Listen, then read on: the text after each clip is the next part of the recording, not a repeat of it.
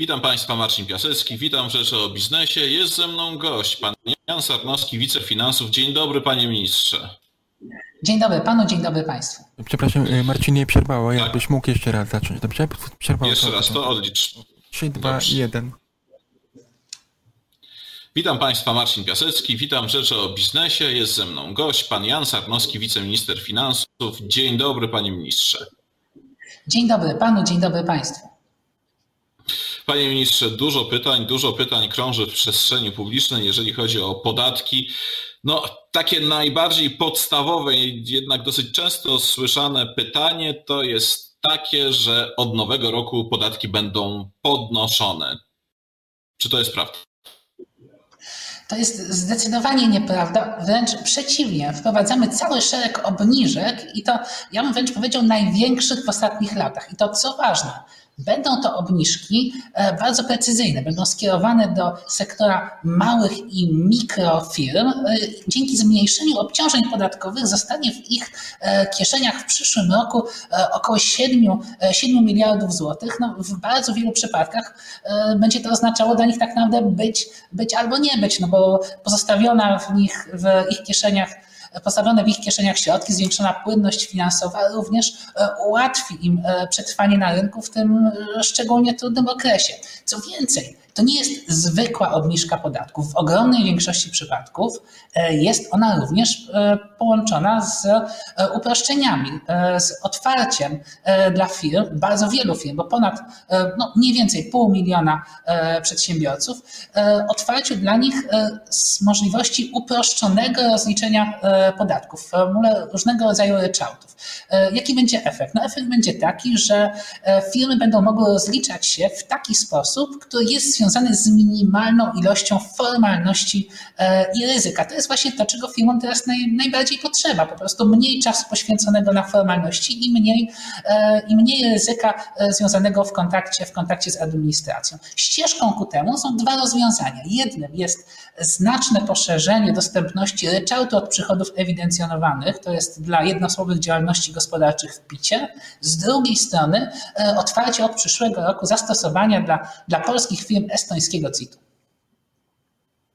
Estoński CIT wchodzi 1 stycznia 2021, jest podpis prezydenta, y, czyli sprawa jest jasna, klamka, klamka zapadła.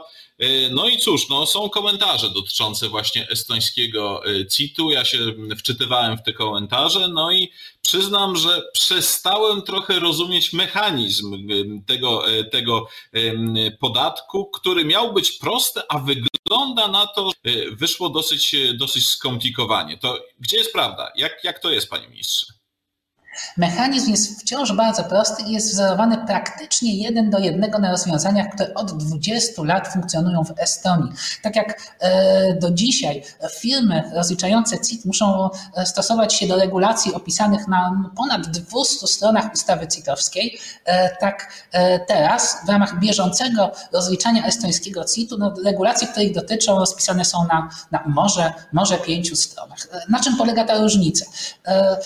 Teraz e, podatek płacony jest w amplitudach miesięcznych, kwartalnych czy, czy rocznych w ramach rocznego rozliczenia podatku. Teraz e, podatek zamieniony zostanie dla firm, które zdecydują się wejść w system estoński na podatek płacony tylko i wyłącznie na etapie e, dystrybucji zysku. Co to oznacza? Tak długo jak zyski pozostają w firmie, tak jak przedsiębiorca sam nie podejmie decyzji, że stać go na zapłatę podatku, że przeniesie część wypracowanego przez siebie dochodu ze sfery tej gospodarczej, biznesowej do sfery prywatnej, wypłacając sobie e, dywidendę, e, tak długo po prostu podatek, e, podatek się nie pojawi. Cały zysk pozostawiony w firmie będzie, będzie nieopodatkowany. Tak jak Państwu wspominałem, pozostawienie środków w firmie będzie miało dla niej dwa ogrom, dwie ogromne zalety. Pierwsza zaleta to jest właśnie budowa poduszek bezpieczeństwa na kryzys, a druga to jest pozostawienie w firmie środków na dokonywanie inwestycji.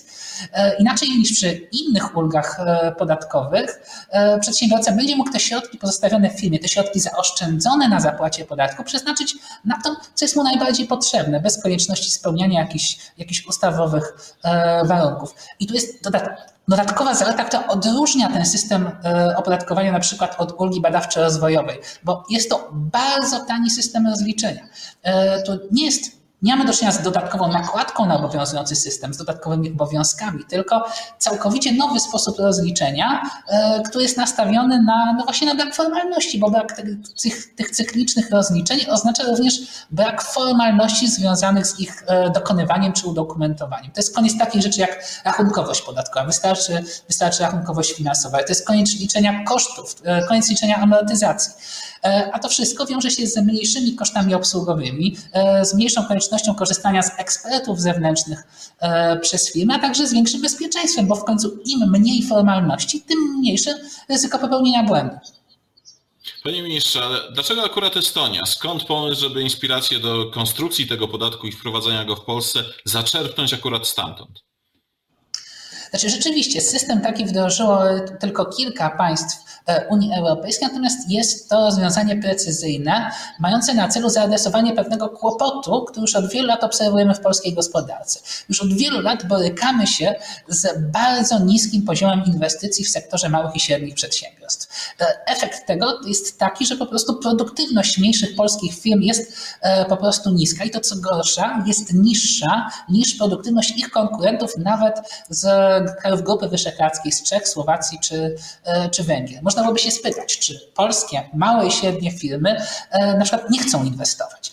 Tutaj statystyki dowodzą nam, że nie, ponieważ e, według badania OECD co trzecia polska mała i średnia firma nie uzyskała potrzebnego jej finansowania dłużnego. Co to oznacza? Że polskie firmy mają zmapowane miejsca, w których pewne zakupy są potrzebne, zakupy, które zwiększą skalę ich działalności, efektywność prowadzenia, prowadzenia biznesu natomiast ciągle raz za razem zderzają się z e, tym szklanym sufitem braku, braku finansowania. I właśnie ta oszczędność na podatku, którą daje estoński CIT, sprawi, że po prostu łatwiej będzie e, firmom zgromadzić e, środki pozwalające na, na dokonanie inwestycji, bo też pamiętajmy, Zostawiając środki w firmie, zwiększamy nie tylko ich płynność, ale również zwiększamy ich zdolność kredytową, co oznacza, że za każdą złotówkę, którą tam w firmie zostawimy, jest duże prawdopodobieństwo, że zaobserwujemy efekt kaskadowości, że po prostu zainwestowane będzie dwa albo nawet, albo nawet złote.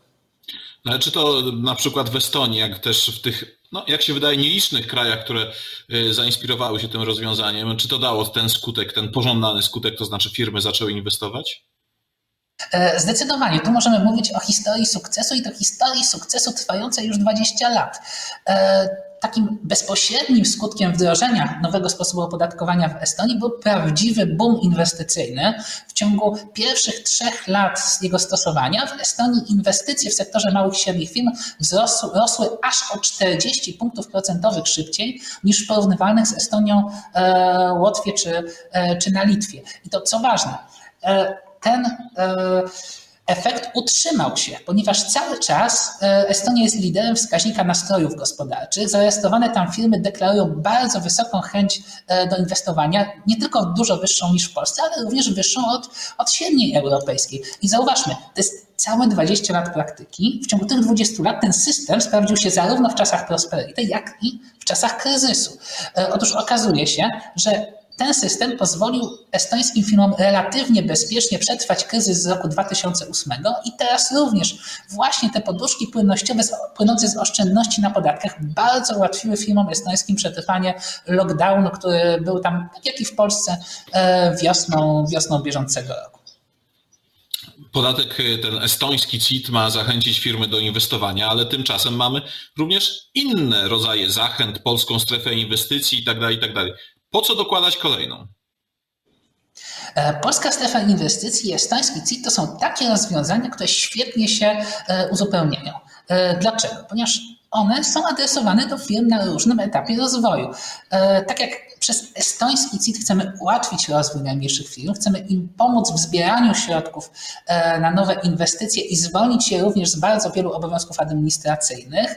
E, tak, e, Polska Strefa Inwestycji ma troszeczkę inny cel. Ona działa w ten sposób, że doprowadza do obniżki podatku dopiero w momencie, kiedy firma inwestycji już dokonała i ciągnie z niej, z niej dochody. Czyli w ogóle nie pomaga w zgromadzeniu środków na nową inwestycję. Jaki jest tego efekt? efekt tego jest taki, że już teraz małe firmy praktycznie w ogóle nie korzystają z polskiej strefy inwestycji. Teraz według najnowszych danych w jej ramach działa jedynie 60 z ponad 2 milionów działających w Polsce mikro, mikrofirm i też tam jest dodatkowa bariera, a mianowicie nawet jeśli firmy znajdą ten mniejszy potrzebny kapitał, żeby zainwestować, wejść w polską strefę inwestycji czy do specjalnej strefy ekonomicznej, to korzystanie z tego rozwiązania jest dla nich często zbyt skomplikowane i czasochłonne. Pamiętajmy, e, działanie w polskiej strefie inwestycji e, to jest dla małej i mikrofirmy obowiązek spełniania tych dotychczasowych obowiązków związanych z rozliczeniem podatków, wszystkich tak, jakie były dotychczas, a dodatkowo dochodzi dodatkowy e, poziom kolejnych obowiązków związanych z koniecznością udowodnienia, spełniania warunków korzystania z tego, z tego narzędzia. To jest bardzo duży wysiłek i bardzo duże ryzyko. Dlatego e, znacznie, znacznie chętniej z polskiej strefy inwestycji korzystają po prostu firmy e, średnie i duże, takie, dla których wysoki próg wejścia nie jest, nie jest po prostu problemem. Natomiast co my możemy powiedzieć? My gorąco zachęcamy firmy do tego, żeby wchodziły w estoński CIT, gromadziły kapitał na inwestycje, inwestowały i rosły, z mikro starały się małe, z małych średnie,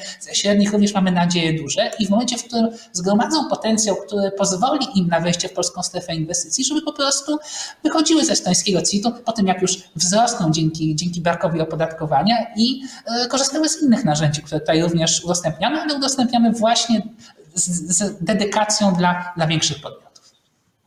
A tymczasem przynajmniej część doradców podatkowych, prawników radzi, żeby tak no, poczekać. Poczekać na przykład rok, zobaczyć jak estoński mm, CIT będzie y, działał, również jak y, będzie się, że tak to określę, zachowywało Ministerstwo Finansów względem estońskiego CIT-u i tych przedsiębiorców, decydowali się na to y, rozwiązanie, żeby zobaczyć, jakie na przykład będą interpretacje fiskusa w jakichś kwestiach spornych i tak dalej. Natomiast proszę mi powiedzieć, czy ze strony państwa, ze strony Ministerstwa Finansów też będzie wykonana jakaś praca, żeby właśnie no, przybliżyć przedsiębiorcom to rozwiązanie, poprowadzić ich trochę no, przez to nowe doświadczenie podatkowe. E, tak, zdecydowanie. E, mamy teraz w Ministerstwie Finansów zaawansowane prace nad e, wydaniem ministerialnego podręcznika do korzystania z estońskiego CIT-u. E, mamy świadomość, że estoński sposób rozliczenia będzie dla polskich firm całkowitą, całkowitą nowością, więc firmy będą potrzebowały takiego właśnie przewodnika, który tak krok po kroku przeprowadzi je przez proces wejścia, przez proces wyjścia i przez właśnie ten, mamy nadzieję, jak najdłuższy proces korzystania z tych nowych rozwiązań. Dlatego no, już teraz mamy duże doświadczenie w wydawaniu dla podatników instrukcji czy handbooków, ale teraz chcemy zrobić coś nowego, a mianowicie pierwszy raz chcemy nadać takiemu, takiemu materiałowi e, walor i moc objaśnień podatkowych, czyli moc chroniącą, korzystające z takich objaśnień, z takiego podręcznika firmy e, w kontakcie z administracją.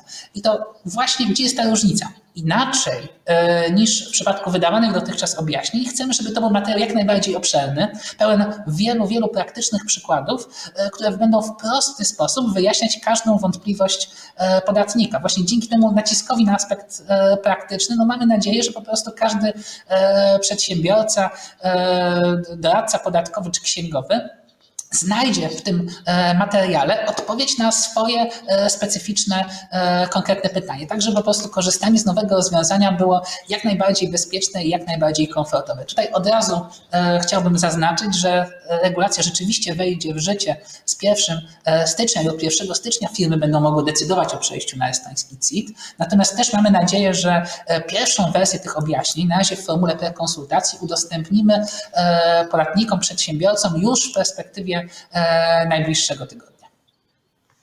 Panie ministrze, i na koniec zapytam, czy ministerstwo pracuje nad innymi rozwiązaniami e, dla podatników, rozwiązaniami takimi proinwestycyjnymi? Znaczy rzeczywiście w Ministerstwie Finansów e, chcemy stworzyć cały ekosystem wsparcia inwestycji i, e, i rozwoju przedsiębiorstw e, i to wsparcia nie tylko dedykowanego małym i mikrofirmom, bo to już w dużej części realizujemy poprzez właśnie te zmiany dotyczące ryczałtu, dotyczące estońskiego CIT-u, ale również większych podmiotów. Kilka tygodni temu zaprezentowaliśmy wspólnie z Ministerstwem Rozwoju na przykład ulgę na robotyzację. To jest taka, taka regulacja, która będzie wspierać właśnie dalsze pospieszy rozwój tej produktywności polskich firm. I to jest pewne nowum, ponieważ jest to ulga bardzo precyzyjna, taka powiązana bardzo blisko z bardzo techniczną definicją robota przemysłowego. Natomiast dzięki tej bezpiecznej definicji robota, którą bardzo jest łatwo sprawdzić w bardzo bezpieczny, bezpieczny sposób, otworzymy przedsiębiorcom również możliwość korzystania z preferencyjnego rozliczenia całego szeregu, można powiedzieć też całego ekosystemu wydatków związanego z instalacją, z obsługą tego robota, na przykład zakupu oprogramowania czy e, zakupu e, szkoleń dla pracowników, tak, żeby mogli e, z takiego narzędzia, z takiego narzędzia korzystać. No, mam nadzieję, że w perspektywie przyszłego roku, pierwszych miesięcy uda nam się stworzyć taki kompletny system działających symultanicznie ulg podatkowych i to takich, które będą wspierać właśnie działalność produkcyjną na każdym jej etapie. I wtedy przedsiębiorca mógłby, rozpoczynając działalność produkcyjną, od razu wiedzieć, że tak, na etapie e, wymyślenia, tworzenia e, koncepcji nowego produktu mógłby korzystać z ulgi badawczo-rozwojowej. W momencie przenoszenia e, pomysłu na język praktyki z ulgi na prototyp, później otwierając produkcję nowego towaru właśnie z ulgi na robotyzację i E, na koniec w kolejnym etapie, już dokonując komercjalizacji e, nowych, e, nowych towarów, sprzedając je w kraju czy za granicą z ulgi IP Box, czyli ze zmniejszenia wysokości podatków właśnie już od dochodów osiągniętych ze sprzedaży, ze sprzedaży nowych towarów. Chcemy, żeby tego rodzaju ekosystem powstał no już do użytku przez przedsiębiorców najpóźniej w połowie przyszłego roku. No to czekamy, czekamy i trzymamy kciuki. Bardzo dziękuję za rozmowę. Moim gościem był pan Jan Sarnowski, wiceminister finansów. Jeszcze raz dziękuję. Dziękuję panu, dziękuję państwu.